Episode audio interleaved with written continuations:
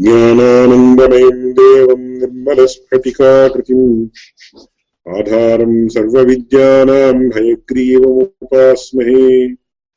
श्रीहयग्रीवाय नमः। प्रायः दशदिनानन्तरम्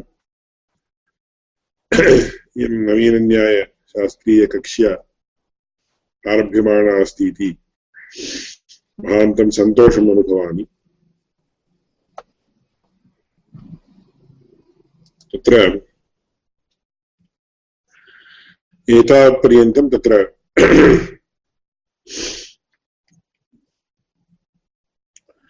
गन्धवती पृथिवी इति इत्यादिस्थलेषु कथं शाब्दबोधः वर्णनीयः इति कथनात् प्राक्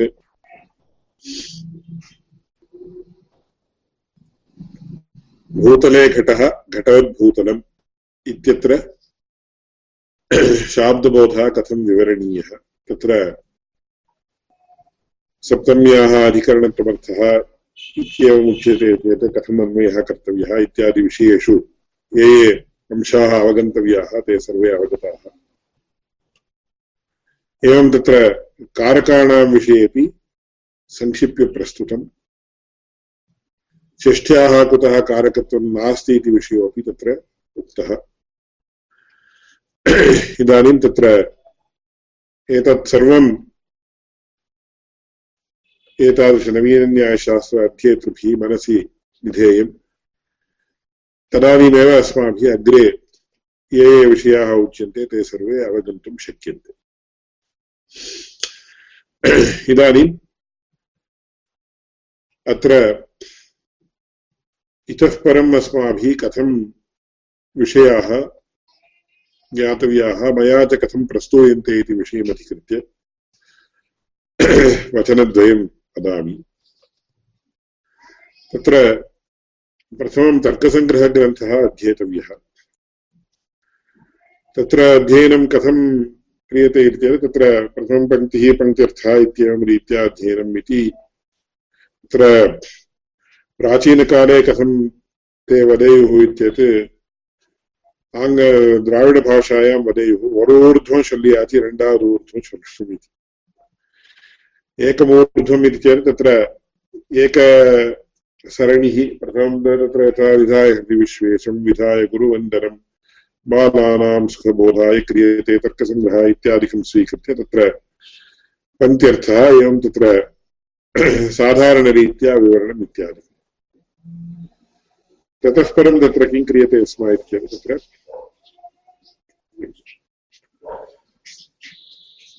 शाब्दबोधः विव्रियते स्म इदानीं विधाय विश्वेशं प्रतिनिधाय गुरुवन्दनं विधाय इत्येवं रीत्या अन्वयादिकं प्रदर्श्य तस्य शाब्दबोधं वदेयुः तत्र सर्वेषामपि वाक्यानां शाब्दबोधः कथनं यद्यपि सम्भवति यतः शब्दः इति चेत् आप्तवाक्यं शब्दः, तस्मात् शाब्दबोधः जायते एव, सर्वस्मादपि वाक्यात्। परन्तु तत्र एकदृष्ट्या तावत् सर्वेषामपि वाक्यानां तथैव शाब्दबोधवर्णनं किञ्चित् सर्कस् इति उच्यते खलु, तथा भवति इति दृष्ट्या। आरम्भे तत्र लक्षणवाक्यानां शाब्दबोधकथनमेव क्रियते यथा इदानीं गन्धवती पृथिवी, शीतस्पर्शवत्यापः, उष्णस्पर्शवत्तेजः इति तत्र प्राथमिकानि, द्रव्यादीनां लक्ष, लक्षणानि यानि वर्तन्ते। तेषां वाक्यानां अथवा तेषां लक्षणप्रतिपादकवाक्यानां शाब्दबोधः विव्रियते स्म। तत्र प्रथा प्राथमिकतया नवीनन्यायशास्त्रे कथं परिष्कारः क्रियते स्म इत्यपि तत्र प्रदर्श्यते स्म। इदानीं स एव क्रमः मयापि अनुस्रियते प्रथमं तत्र गन्धवती पृथिवी इति वाक्यं स्वीकृत्य तस्य शाब्दबोधः कथम् इति उक्त्वा तत्र परिष्कारः कथं सम्पादनीयः, कथं सम्पाद्यते स्म, कथं सम्पादनीयः। अग्रेपि स एव क्रमः अनुस्रियते अनुसर्तव्यः इत्यत्र नास्ति सन्देहः। अतः तत्र तेषां विषयाणां कथनात् पूर्वम् इमे विषयाः अस्माभिः अवगन्तव्याः तत्र मया पूर्वमेव उक्तम् प्रथमकक्ष्यायां। तत्र द्वादशत्रयोदशशतकीय शतकाब्दीय गङ्गेशोपाध्यायपर्यन्तम् न्यायदर्शनानुरोधेन, वैशेषिकदर्शनानुरोधेन प्रत्येकशः ग्रन्थः विरचिताः अभूवन्। तत्र न्यायशास्त्र न्यायदर्शनानुबन्धितया पृथक् ग्रन्थाः वैशेषिकदर्शनानुबन्धितया च पृथक् ग्रन्थाः विरचिताः अभूवन्। त्रयोदशशताब्द्यां गङ्गेशोपाध्यायः इति महापण्डितः आगत्य उभावपि दर्शने मिलि उभे अपि दर्शने मिलित्वा अथवा मेलयित्वा तत्त्वचिन्तामणिः इति ग्रन्थम् एकं रचितवान्। तदारभ्य नव्यन्यायपरम्परा प्रारब्धा इति विमर्शकानाम् अभिप्रायः इति विषयः मया पूर्वमेव उक्तः।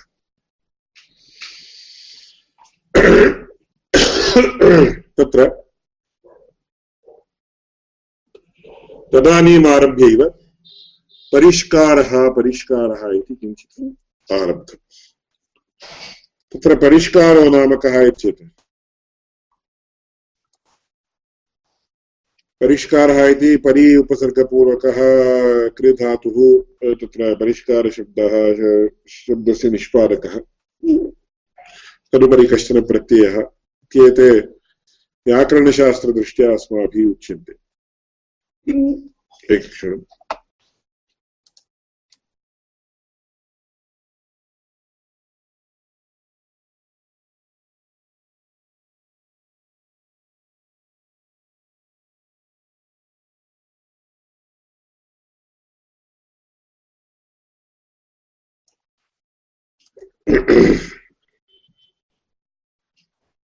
तत्र को नाम परिष्कारः इति विषयम् अधिकृत्य वाक्यद्वयम् यथा इदानीं क्षीरम् अस्माभिः पातव्यं क्षीरपानं कर्तव्यम्। साक्षात् तथैव यथा तत्र गोः सकाशात् क्षीरं निष्कास्यते, तथैव तत् क्षीरं न पीयते। किन्तु प्रथमं तस्य उष्णीकरणं क्रियते। सम्यक् उष्णीकरणानन्तरं तस्य कृते किञ्चित् शर्करादिकं योज्यते। पुनः शर्करादियोजनानन्तरं कदाचित् तत्र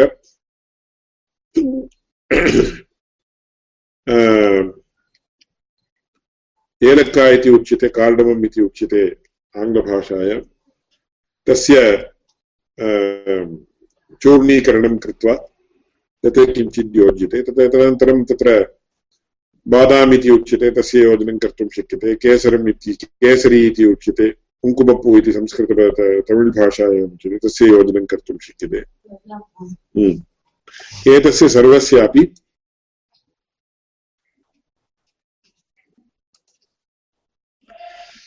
योजनं क्रियते चेत् तत्र क्षीरस्य रुचिः अतीव सम्यक् अस्माभिः अनुभोक्तुं शक्यते तत्र इदं सर्वं क्षीरं तत्र किं यथा इदानीं कश्चित् एतत् सर्वविशेषयुक्तं क्षीरम् आनय आनयति चेत् किमिदम् आनीतम् इति प्रश्नः क्रियते चेत् क्षीरम् आनीतम् इत्येव वदति। परन्तु क्षीरे तावत् शर्करायाः बादाम् इति कुङ्कुमप्पु इति अथवा केसरम् केसरी इति उच्यते। तस्य सर्वस्यापि योजनं कृतम् इति न उच्यते तेन। अथवा कदाचित् तत्र बादां पाल् इति उच्यते। बादां पाल् आनीतम् इति उच्यते। बादां मिल्क् इति उच्यते। चेत् बादामी संयुक्तं क्षीरम् इत्यर्थः। तत्र अस्माकं गुरुचरणैः असकृत् उच्यते स्म। इदानीं तत्र संस्कृतभारतीकार्यकर्तारः ये सन्ति ते अङ्गीकुर्युः वा न वा इति तत्र सन्देहः वर्तते। परन्तु तत्र संस्कृतभाषा व्यवहारभाषा आसीत् इति सर्वेषाम् इति तत्र बहुभिः इदानीमपि उच्यते प्रसङ्गात् इदमुच्यते तत्र। भोजप्रबन्धेपि एकम् अद्भुत अद्भुत, एका अद्भुता कथा अस्माभिः श्रूयते। तत्र एकः विद्वान् भोजराजस्य आस्थानं प्रति आगतः। तेन उक्तं मम एकं गृहम् आवश्यकम् अत्र इति। भोजरः इदानीं सर्वं कथायाम् एवम् आगच्छति। तदानीं भोजेन उक्तम्, एतस्य कृते तत्र संस्कृत अभिमानी आसीत्, स्वयं संस्कृतविद्वान् आसीत्, अतः भोजेन उक्तम्, अस्य कृते एकं गृहं दीयताम् तदानीं तत्काले एवं हौसिङ्ग् सोसैटि इत्यादिकम् आसीत्, वा फ्लाट्स् इत्यादिकम् आसन्, वा इति न वयं जानीमः। परन्तु तत्र सर्वेपि गृह, सर्वाण्यपि गृहाणि तत्र आक्युपैड् पूर्णानि आसन्। तस्य गृहं न लब्धम्। तदानीं सः पुनः राज्ञः सकाशम् आगत्य उक्तवान्, हे राजन्, मम गृहमेव न लब्धम् अत्र इति। तदानीं भोजराजः किम् अकरोत् चेत् तत्र तस्य भटानाहूय एवम् उक्तवान्। अस्मिन् धारानगरे यः संस्कृत असंस्कृतज्ञः अस्ति, संस्कृत अनभिज्ञः अस्ति, तं निष्कास्य तस्य गृहम् अस्य कृते दीयताम्। कुतः चेत् मम नगरे संस्कृत अनभिज्ञः न कोऽपि तिष्ठेत् इति एकः अभिप्रायः।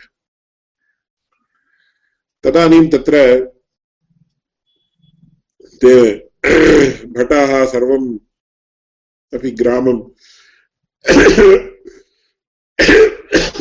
सर्वमपि नगरं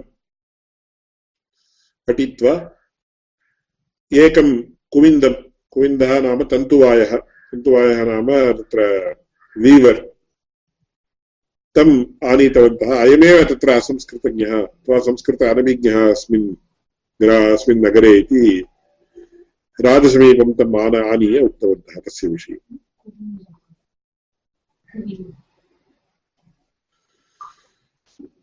तदानीं राज्ञः तस्य तन्तुवायस्य च वीवर्, तन्तुवायः इत्येतत् वीवर्।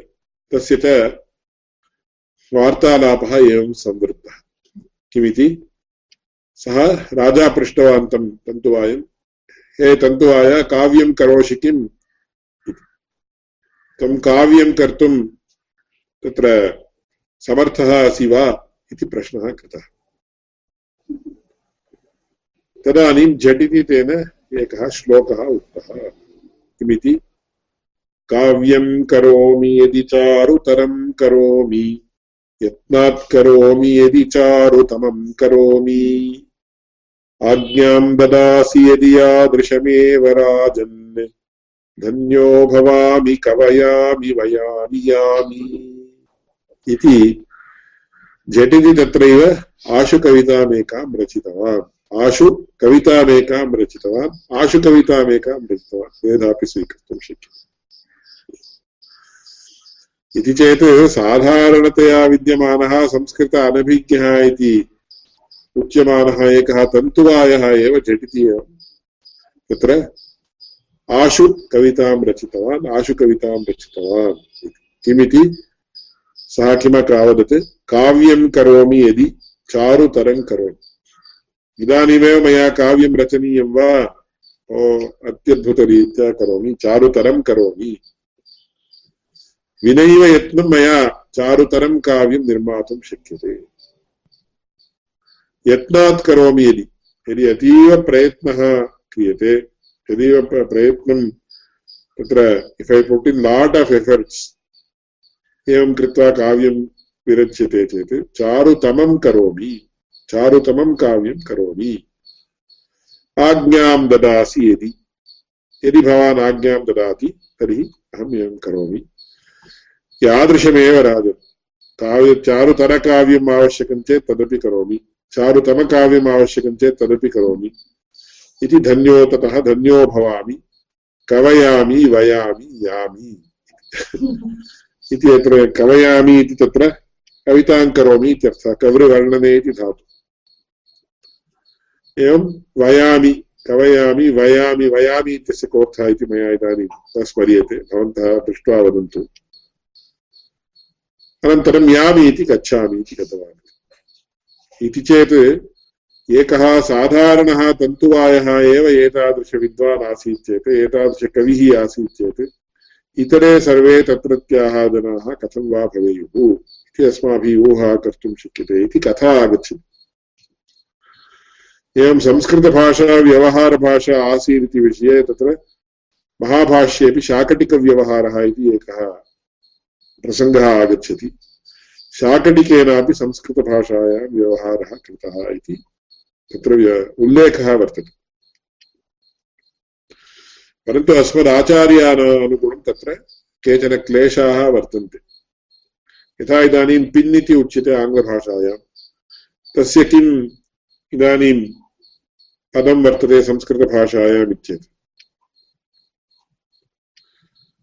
तत्र पिन्नः इति वक्तव्यम् पिन्नः इति उच्यते चेत् तत्र संस्कृतं कथमागतम् एवमेव बहु अस्माभिः सर्वेषामपि पदानां तत्र किञ्चित् योजयितुं न शक्यते अतः संस्कृत परन्तु एवं कथादिकं लिख्यते किल इति चेत् तत्र अपवादतया केष केषाञ्चित् भवेयुः तत्र वास्तवतया संस्कृतभाषा व्यवहारभाषा न भवति इति तेषाम् अभिप्रायः तस्य तदेव वास्तवम् इति मम अभि ममापि प्रतिभाति तत्र बहु बहु बहु वक्तव्यं भवति।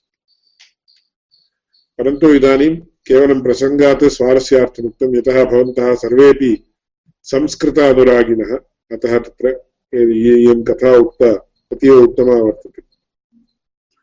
अतः परिष्कारः इति चेत् यथा क्षीरं साक्षात् अस्माभिः न स्वीकर्तुं शक्यते तस्य उष्णीकरणादिना एवं तत्र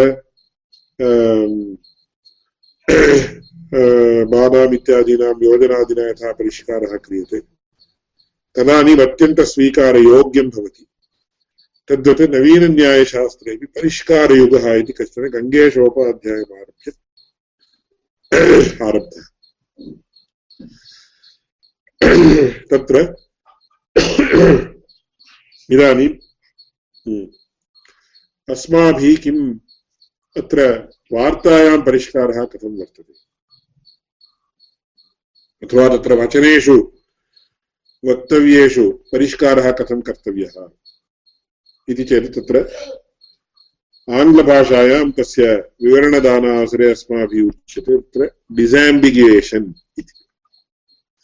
तत्र आपाततः किञ्चित् उच्यते चेत् तत्र अर्थभेदानाम् अवकाशः वर्तते। तत्र अर्थभेदस्य व्यावृत्तिः कर्तव्या।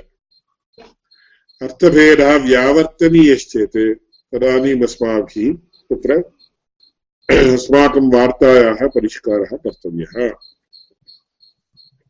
तस्य उदाहरणम् एकं दास्यामि। यथा इदानीम् एकः एका कक्ष्या वर्तते, तत्र पञ्चाशत् छात्राः सन्ति। तत्र तस्यां तस्य, तस्याः शालायाः कश्चन विशेषोत्सवः इति चिन्त्यत। तदानीम् अस्माभिः किं क्रियते? तत्र एतेभ्यः, सर्वेभ्यः तत्र लड्डुकं दीयताम्। इति तत्र तज्ञैः तत्र तत्रत्यैः आज्ञा दीयते। सर्वेभ्यः यथा यथेष्टं यावन्ति लड्डुकानि आवश्यकानि तावन्ति दीयन्ताम् इति तत्र उच्यते।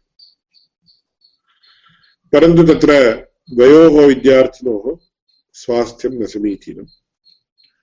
तदानीं किं क्रियते? एतौ द्वौ परित्यज्य इतरेभ्यः सर्वेभ्यः दीयताम्। इति उच्यते। किमर्थं तदानीं प्रश्नः समुद्भवति किमर्थं तारतम्यं क्रियते भोः? एतौ द्वौ किम् अपराध अपराध अप कीदृश अपराधं कृतवन्तौ? किमर्थं तारतम्यं क्रियते चेत् तथा नास्ति तत्र। एतयोः स्वास्थ्यं न समीचीनम्, अतः एतेभ्यः न दीयताम् इति उच्यते। एवम् इदानीम् अष्टचत्वारिंशत् अवशिष्टाः तेभ्यः सर्वेभ्यः दातव्यम्। परन्तु तत्र अन्यौ द्वौ वर्तेते। येषां तावत् स्वास्थ्यं समीचीनं चेदपि तत्र कारणान्तरात् अन्यत् किमपि कारणं वर्तते, येन तैः इदानीं स्वीकर्तुं न शक्यते। इदानीं तयोः अपि तत्र वारणं कर्तव्यं वा चेत् वारणं क्रियतां कर्तव्यम्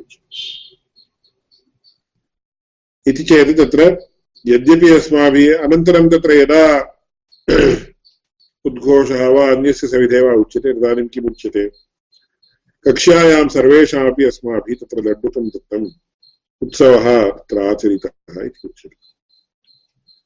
सर्वेषाम् इत्येतत् पञ्चाशत् जनानाम् इत्यर्थो वा? अथवा षट्चत्वारिंशत् जनानाम् इत्यर्थो वा चेत् षट्चत्वारिंशत् जनानामेव तत्र दत्तम्। इतरेषां न दत्तम्।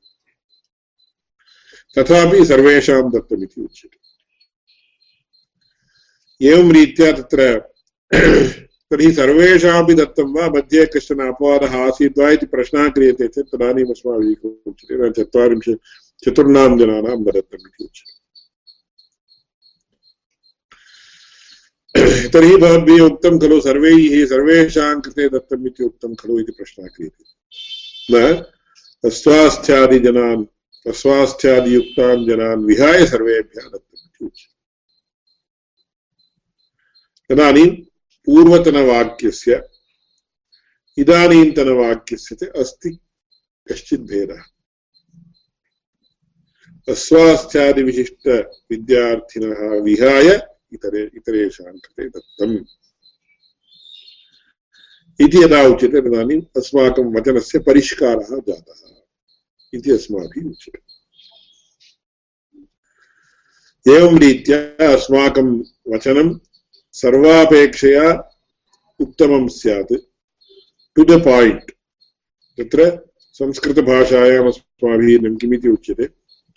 एकं निरूपणं कथं स्यात् इत्येतत् अन्यूनानतिरिक्तं स्यात्। तत्र अस्माभिः वक्तव्यांशे एवम् उक्ते च तादृशे वाक्ये, इतरैः तत्र कस्यापि अर्थभेदस्य अवकाशः यथा न स्यात् तथा वक्तव्यम्। अतः अन्यूनतयापि न वक्तव्यम्, अतिरिक्ततयापि न वक्तव्यम्। न्यूनतयापि न वक्तव्यम् अतिरिक्ततयापि न वक्तव्यम् अतः अस्माकं वचनम् अन्यून अनतिरिक्तं विषयं तत्र बोधयेत्। तथा बोधयेत् चेत् किं कर्तव्यम् इति चेत् तदस्य कृते परिष्कारः परिष्कारः इति। एवं परिष्कृतं रूपम् उच्यताम् इति उच्यते नवीन्यायशास्त्रे।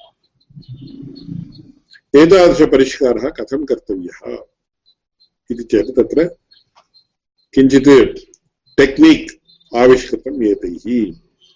कीदृश टेक्निक् तत् इति चेत् तत्र द्वौ शब्दौ परस्परप्रतिसम्बन्धिनौ अवच्छेदक इति, अवच्छिन्न इति एकम् एकौ द्वौ, एतौ द्वौ शब्दौ उपयुक्तौ। इदानीम् अवच्छेदकः, अवच्छिन्नः। अथवा अवच्छेद्यावच्छेदकभावः इति उच्यते। अवच्छेदक अवच्छिन्नभावः इति वक्तुं शक्यते। तत्र अवच्छेदकः इति एकः, अवच्छिन्नः इति एकः। तत्र मूलधातुः, छिदधातुः छेदनम् इत्यर्थः। छेदनं नाम किम् इति चेत् इदानीम् एकः शर्कराखण्डः वर्तते। तस्य एवं भारयुक्तेन केनचित् वस्तुना अवहरणं क्रियते चेत् तच्छिन्नं भवति। इदानीं शर्कराखण्डः छिन्नः इति उच्यते। तत्र अवच्छिन्नः अवा इति उपसर्गः योज्यते चेत् अवच्छिन्नः इति भवति। अवच्छिन्नः कः इत्येतत्? शर्कराखण्डः। अवच्छेदकः कः? इति चेत् किञ्चित् वस्तु तत्र हेमर् इति उच्यते, अन्यत् किमपि वा स्यात्। तस्य संस्कृतभाषायां पुनः हेमर् इत्यस्य को, किं पदं वाचकम् इति इदानीं मया न स्मर्यते एवञ्च मुद्गरः। मुद्गरः इति चेत्, मुद्गः, मुद्गरः इत्येतत् तत्र मुसलः, मुद्गरः इत्यादिकं तत्र किञ्चिदिव बृहद्वस्तुसूची किञ्चित् स्वल्पं तत्र कर्णाटकभाषायां सुत्तिगे इति उच्यते। तस्य किमिति अस्माभिः ज्ञायते। अथवा सः अल्पमुद्गरः इति किञ्चित् योजयति एवञ्च तत्र कृत्वा, खण्डं कृत्वा इदमेव अस्माभिः स्वीकर्तुं योग्यम् इति यदा क्रियते तदवच्छिन्नम् इति उच्यते। अवच्छेदकः कश्चन वस्तु किंचन वस्तु एवञ्च एतादृश अवच्छेदक अवच्छिन्ना इति शब्दयोः बाहुल्येन उपयोगद्वारा एतादृशपरिष्कारः सम्पादितः इति। अस्य उपयोगः कथं कृतः इति अग्रे वयं पश्यामः। एवम् एतादृशपरिष्कारक्रमः यः नव्यन्यायशास्त्रज्ञैः आरब्धः। अनन्तरकाले सर्वैरपि शास्त्रज्ञैः अलङ्कारशास्त्रे, व्याकरणशास्त्रे, मीमांसाशास्त्रे इति। इतर सर्वेष्वपि शास्त्रेषु अयमेव क्रमः आदृतः, उपयुक्तः च इति अस्माभिः ज्ञायते। इति चेत् इदम् एकं ट्रेण्ड् जातं तादृशक्रमेणैव वक्तव्यः इति एकं ट्रेण्ड् आरब्धम्। तदनुगुणतया एव सर्वेष्वपि शास्त्रेषु नवीनग्रन्थेषु उच्यते। इति एते अंशाः भवद्भिः अवगताः इति मन्ये। तत्र परिष्कारस्य आवश्यकता, परिष्कारस्य अनिवार्यत्वं। परिष्कारम् अन्तरा यदि अस्माभिः किञ्चित् उच्यते, तर्हि कदाचित् तत्र अर्थभेदस्य, अर्थव्यत्या, व्यत्यासस्य च अवकाशः वर्तते। अतः परिष्कारः अनिवार्यो जातः आगामिनि काले अथवा तत्र तदनन्तरकाले त्रयोदशशताब्द्यनन्तरं परिष्कारः अनिवार्यः जातः। एवं तृतीयः अंशः नवीनन्याये कृतपरिष्कारस्य इतरसर्वशास्त्रेषु उपयोगः। तदेव मया उक्तं खलु पूर्वमपि उक्तं। रसगङ्गाधरे वयं जगन्नाथपण्डितराजः नवीनन्यायक्रमम् अनुसृत्य अलङ्काराणाम् अर्थं वक्ति लक्षणलक्षणादिकं वक्ति। एवं व्याकरणशास्त्रे अपि तथैव, एवं मीमांसाशास्त्रे खण्डदेवादिभिः अपि स एव क्रमः आदृतः। व्याकरणशास्त्रे नागेशादिभिः लघुमञ्जूषा परमलघुमञ्जूषा इत्यादौ तावत् स एव क्रिया विषयः, क्रमः आद्रियते एवं, तत्र अवच्छेद्य, अवच्छेदकभावस्य, अवच्छेद्य अवच्छेदक अवच्छिन्नभावस्य च परिचयः संक्षिप्ततया मया कारितः। पश्चात् पुनः कार्यते। इतरसम्बद्धविचाराः अपि अत्र प्रस्तुताः। इदानीं न्यायशास्त्रे विद्यमानसम्बन्धानां विषये किञ्चिदिव अस्माभिः ज्ञानं प्राप्तव्यं भवति। भवन्तः सर्वे जानन्ति, इदानीं तर्कसङ्ग्रहेण साकं भवतां परिचयः अस्ति इति मन्ये। तत्र यत्र सन्देहः अस्ति तत्र मध्ये एव अवरोधं कृत्वा पृच्छन्तु तत्र हानिर्नास्ति। इदानीं तत्र तर्कसङ्ग्रहस्य पदार्थविभागः प्रथमवाक्यं किम् इति चेत् द्रव्यगुणकर्मसामान्यविशेषसमवाय अभावाः सप्तपदार्थाः इति तत्र प्रथमं वाक्यं तत्र पदार्थो नाम कः इति चेत्। पदार्थः इति समस्तं पदम् एकदृष्ट्या। तस्य यदि अस्माभिः विवरणं प्राप्तव्यं, तर्हि विग्रहवाक्यम् आदर्तव्यं। पदस्य अर्थः पदार्थः। पदस्य पदार्थः इत्येतत् कोऽर्थः पुनः? इति चेत्। पदस्य अर्थः इति चेत्। एकं पदम् उच्यते चेत्। इदानीं पुस्तकम् इति एकं पदम् उच्यते। झटिति भवतां मनसि किं भवति?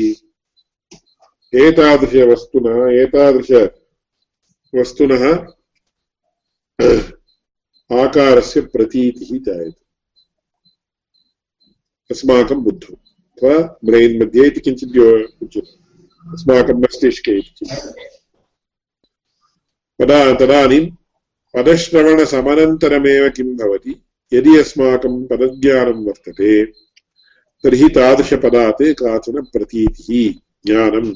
तिलुवळिके इति आङ्ग्ल कर्णाटकभाषायाम् उच्यते, अरिवे इति संस्क तमिळ्भाषायाम् उच्यते काग्निशन् इति आङ्ग्लभाषायाम् उच्यते।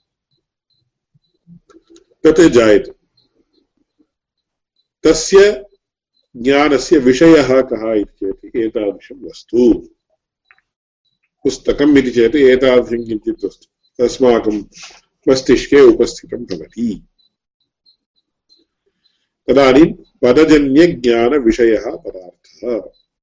पद, पदश्रवणसमनन्तरमेव तेन यत् ज्ञानं जन्यते, तादृशज्ञानस्य विषयः यः स एव पदार्थः इति। पदार्थः पदार्थः चेत् कोऽर्थः? पदश्रवणसमनन्तरं यत् ज्ञानम् अस्मासु जायते, तादृशज्ञानस्य यः विषयः स एव पदार्थः इति उच्यते। तस्मात् पदार्थः इति चेत् त्री डैमेन्शनल् आब्जेक्ट् अथवा चक्षुषा गृह्यमाणं वस्तु इति न अर्थः। एतादृशं वस्तु एव पदार्थः इति न भ्रमितव्यम्। पदेन यः यः विषयः ज्ञापयितुं शक्यते सर्वोऽपि पदार्थः। तस्मात् तत्र लोके विद्यमानं सर्वमपि वस्तु पदेन बोधयितुं शक्यते न कोऽपि तादृशः पदार्थः, न कोऽपि तादृशं वस्तु वर्तते लोके, यस्य वाचकं पदं नास्ति। भवन्तः बहुधा आलोचयन्तु। नामरहितं किञ्चित् वस्तु अस्ति वा लोके चेत् नास्ति। एवमेव, तत्र वाच्यवस्तु अन्तर किमपि नाम नास्ति लोके एकं नाम पदं वर्तते चेत्, तत् तस्य वाच्यं किमपि वस्तु अस्ति एव। अतः तत्र वाचमन्तर अर्थः नास्ति। अर्थमन्तर वाङ् नास्ति। इमौ द्वौ द्वौ अपि तत्र सर्वदैव सर्वथा सर्वथा सर्वदा सर्वथा अपि सम्बद्धौ एव आस्ताम्। अत एव कालिदासः किं वदति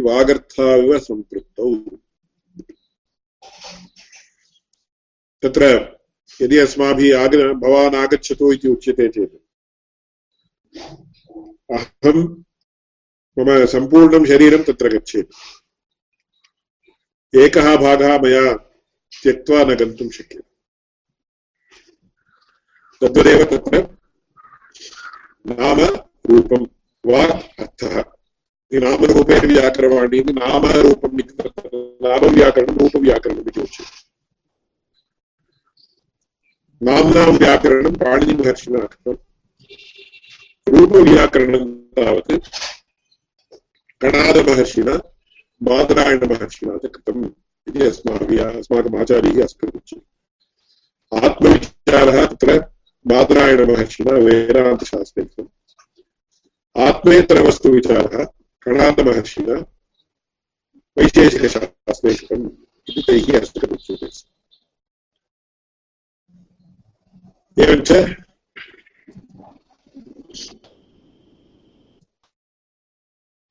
अतः तत्र पदार्थः इत्येतत् सामान्यतः अस्माकम् इमेजिनेशन् कथं भवति कल्पना कथं भवति तत्र एवं मूर्ततया त्री डैमेन्शनल् आब्जेक्ट् विच् हेस् सम् मास् इति उच्यते नास्ति पदेन यो यो विषयः ज्ञापयितुं शक्यते स सर्वोऽपि पदार्थः एवं च कालः इत्येतत् अस्माभिः कालः इत्यत्र आम् इति उच्यते आम् इति वा ओम् इति वा यत्कोऽर्थः अस्माभिः तस्य अर्थः ज्ञातः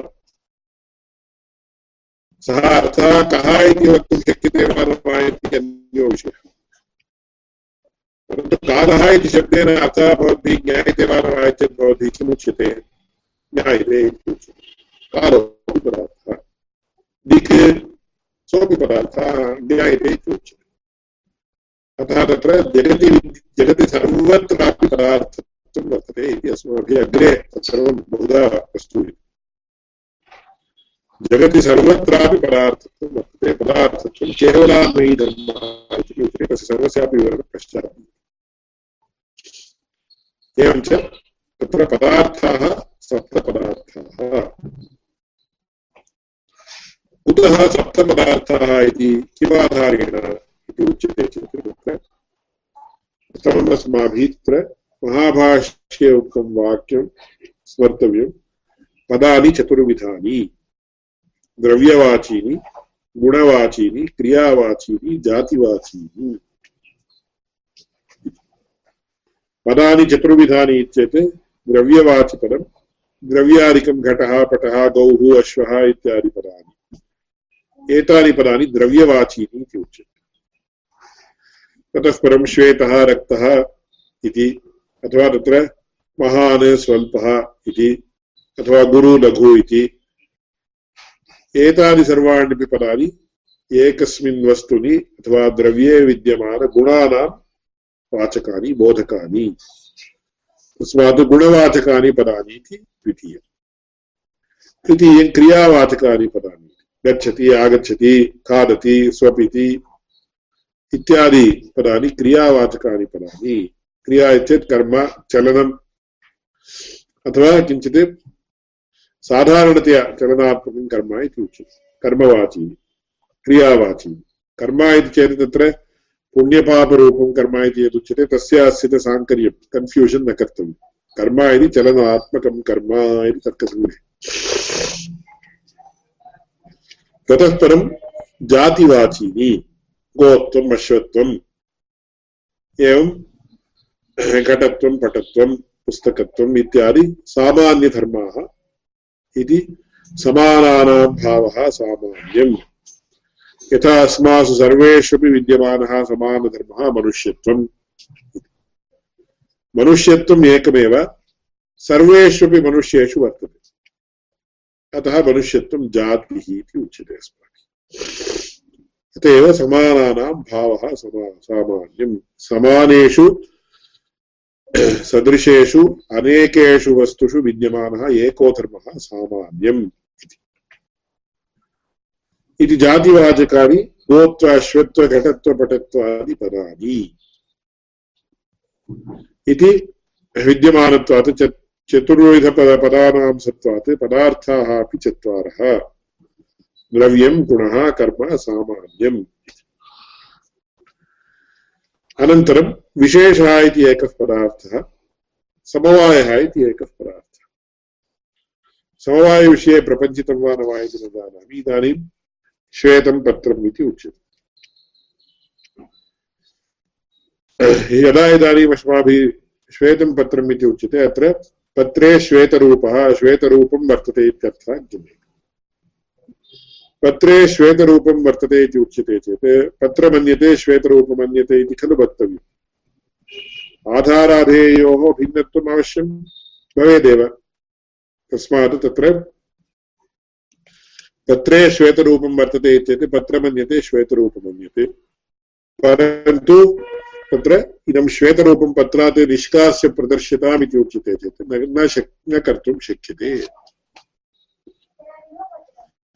कुतः इत्येतत् तत्र तयोः समवायाख्यः विशेषसम्बन्धः वर्तते।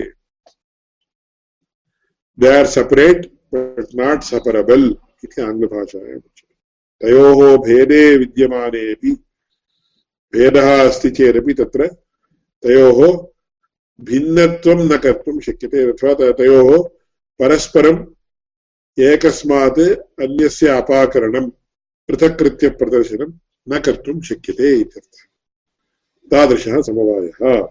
इति तत्र षट्पदार्थाः कणादमहर्षिणा उक्ताः। द्रव्यं, गुणः, कर्म, सामान्यम्। इति पदानां चतुर्विधत्वात् चत्वारः पदार्थाः। तदर्थं तद ततः परं भेदसाधनार्थं विशेषः, सम्बन्धार्थं समवायः इति एवं षट् पदार्थाः। तत्र चत्वारः पदार्थाः लोके प्रसिद्धाः, अतः लौकिकाः अपि भवितुमर्हन्ति इतरौ द्वौ शास्त्रीयौ चेत् शास्त्रव्यवहारसिद्धौ। प्राथमिकानि प्राथमिकानि चत्वारि लौकिकव्यवहारसिद्धानि। इतरे द्वे, तत्र शास्त्रीये इत्यतः षट्पदार्थाः इति कणादमहर्षिणा एतेषां नाम तथैव निक्षिप्तम्। धर्मविशेषप्रसूतात् द्रव्यगुणकर्मसामान्यविशेषसमवायानाम्, पदार्थानां, साधर्म्यवैधर्म्याभ्यां, तत्त्वज्ञानान्निःश्रेयसम् इति कणादमहर्षेः वैशेषिकसूत्रे चतुर्थं सूत्रम्। ततः परं किं जातम् इत्येत्? एकादशे अथवा द्वादशशताब्द्यां व्योमशिवाचार्यः इति कश्चन आगतः। सः व्योमवती इति तत्र वैशेषिकदर्शनस्य टीकां रचितवान्। सः किमकरोत् न इति उच्यते चेत्। नङ् इति उच्यते संस्कृतभाषायां तादृश न इति उच्यमानात् नञः अपि तत्र अर्थविशेषः कश्चन बोध्यते। न इत्यस्य अभावः इत्यर्थः। तस्मात् अभावः अपि कश्चन पदार्थत्वेन योजनीयः। इति उक्त्वा सः किमकरोत्? द्रव्यगुणकर्मसामान्यविशेषसमवाय अभावाः सप्तपदार्थाः इति। अभावमपि योजितवान्। एवञ्च सप्तपदार्थाः इति तस्मात् जातं तदारभ्य इदानीं सप्तपदार्थवादिनः वैशेषिकाः इति प्रतीतिर्वर्तते इति चेत् तत्र यद्यपि कणादमहर्षिणा षट्पदार्थाः इत्येव उक्तम् ततः परं व्योमशिवाचार्येण सप्तपद अभावमेकं योजयित्वा, न इत्यपि एकं पदं खलु। भवद्भिः पदार्थलक्षणं किमिति उक्तं पदजन्यप्रतीतिविषयः इति पदार्थलक्षणम् उक्तम् न इति पदं वा न वा? न इति पदमेव। तस्मात् कश्चन अर्थः बोध्यते वा न वा? बोध्यते। बोध्यते चेत् तत्र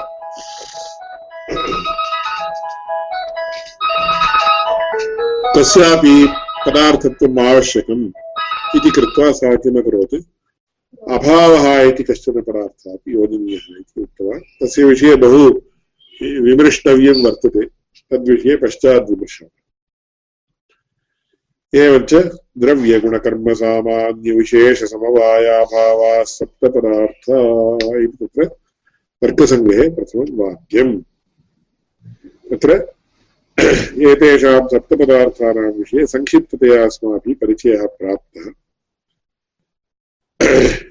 एतस्य विषयम् अनुवर्त्य ततः परम् अग्रे वक्तव्याः विषयाः मया प्रस्तूयन्ते। अद्य कक्षा अत्र समाप्यते। प्रश्नाः केऽपि सन्ति चेत् प्रष्टुं शक्यते। तत्र यथा पार्थन् स्वामिनां शैत्यप्रयुक्तम् अस् किञ्चिदिव अस्वास्थ्यं ममापि शैत्यप्रयुक्तं किञ्चिदिव अस्वास्थ्यं वर्तते अतः क्षमां प्रार्थये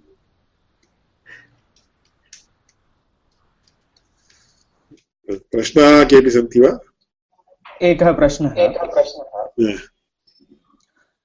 प्राचीनन्यायशास्त्रं नवीनन्यायशास्त्रम् इति शास्त्रद्वयं तत्र सामान्यतया नवीनन्यायं वयम् अधिगच्छामः चेत् तत्र प्राचीनन्यायम् अन्तर्भवति इति वक्तुं शक्यते वा? अथवा तद् किञ्चित् भिन्नरीत्या अधिगन्तव्यं वा? तत्र प्राचीनन्याय न्यायः इत्येतत् तत्र सूत्रप्रस्थानं सूत्रप्रस्थानं तत्र सूत्र सूत्रस्य भाष्यं वार्तिकम् इत्यादिकं यद्वर्तते तत् तस्य सर्वस्यापि अधिगमः कर्तव्यश्चेत्। सः अन्यप्रकारेण भवति। नव्यन्यायशास्त्रं तु प्राचीनन्यायशास्त्रस्य उपरि एव अथवा तदाधारीकृत्य एव निर्मितं, परन्तु बहु व्यत्यासः अनेकेषु विषयेषु दृश्यते। तत्र यथा इदानीमेव उक्तं खलु, तत्र षट्पदार्थाः, वैशेषिकदर्शने महर्षिणा प्रोक्ताः। नवीन्याये तत्र व्योमशिवाचार्यमारभ्य गङ्गेशोपाध्यायेनापि सप्तपदार्थाः इति उच्यते। एवं बहु बहु व्यत्यासाः वर्तन्ते। तद्विषये बहुधा इदानीमपि वक्तुं शक्यते, परन्तु यथा तत्र पाठाः प्रचलन्ति, तदानीं तदा तदा मया उच्यन्ते। एवमेव एकस्य विषयस्य स्वीकारः क्रियते, यथा इदानीं हेत्वाभासः इति स्वीक्रियते इति चिन्त्यता तदानीं हेत्वाभासः नाम तत्र सव्यभिचारविरुद्धसत्प्रतिपक्ष असिद्धबाधिताः इति एवं तर्कसङ्ग्रहे उच्यते। एतादृशशब्दाः बहुधा नोच्यन्ते तत्र इति नोच्यते।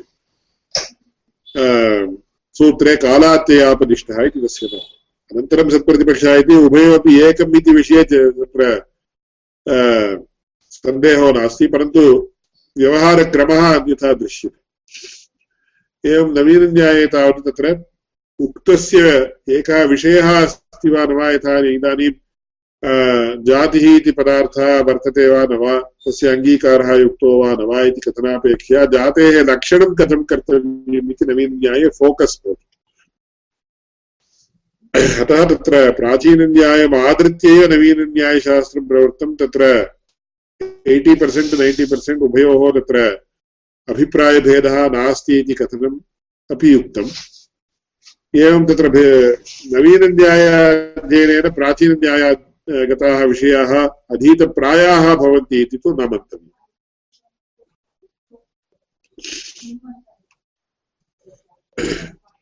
यदा अस्माभिः मुक्तावल्यादिग्रन्थानाम् अध्ययनं क्रियते, तदानीमेव अस्माभिः ज्ञातुं शक्यते।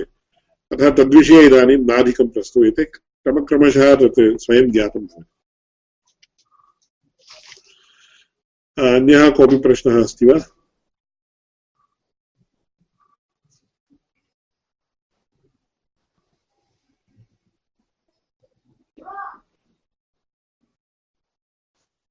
कोऽपि प्रश्नः नास्ति इति दृश्यते समीचीनं तर्हि श्वः अस्मिन्नेव समये पुनः अनुवर्तयामः वयामि वयामि इत्युक्ते तदेव वयामि इत्युक्ते तत्र ज्ञातुं निवेदिता महाभाग्या उक्तं समीचीनं तत्र तन्तुवायः इति वयामि तेन धातुना एव आगतः इति। अतः गोविन्दः इत्यस्य तत्र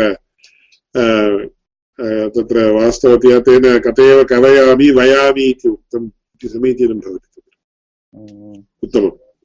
तत्तु किम् अनुप्रासः वा? अनुप्रासः इति अनुप्रासालङ्कारः इति वक्तुं शक्यते। तत्र शब्दालङ्काराणां विषये एवमेव छेकः यमकः अनुप्रासः इत्यादिकम् उच्यते खलु तत्र? अतीव तत्र संस्कृतभाषायां श्राद्धनियमः इति उच्यते। श्राद्धनियमः इति अनुल्लङ्घनीयः नियमः अनुप्रासादिविषये तथा अनुल्लङ्घनीयः नियमः नास्ति। वयामि वयामि, यामि इति उच्यते तेन तत्र रैमिङ्ग् इति उच्यते, किल तदेव अनुप्रासालङ्कारः इति उच्यते। अतः तत्र अनुप्रासालङ्कारः वर्तते इति स्वीकर्तुं शक्यते। ज्ञानानन्दमयम् देवम् निर्मलस्फटिकाकृतिम् आधारम् सर्वविद्यानाम् हयग्रीवमुपास्महे श्रीहयग्रीवाय नमः।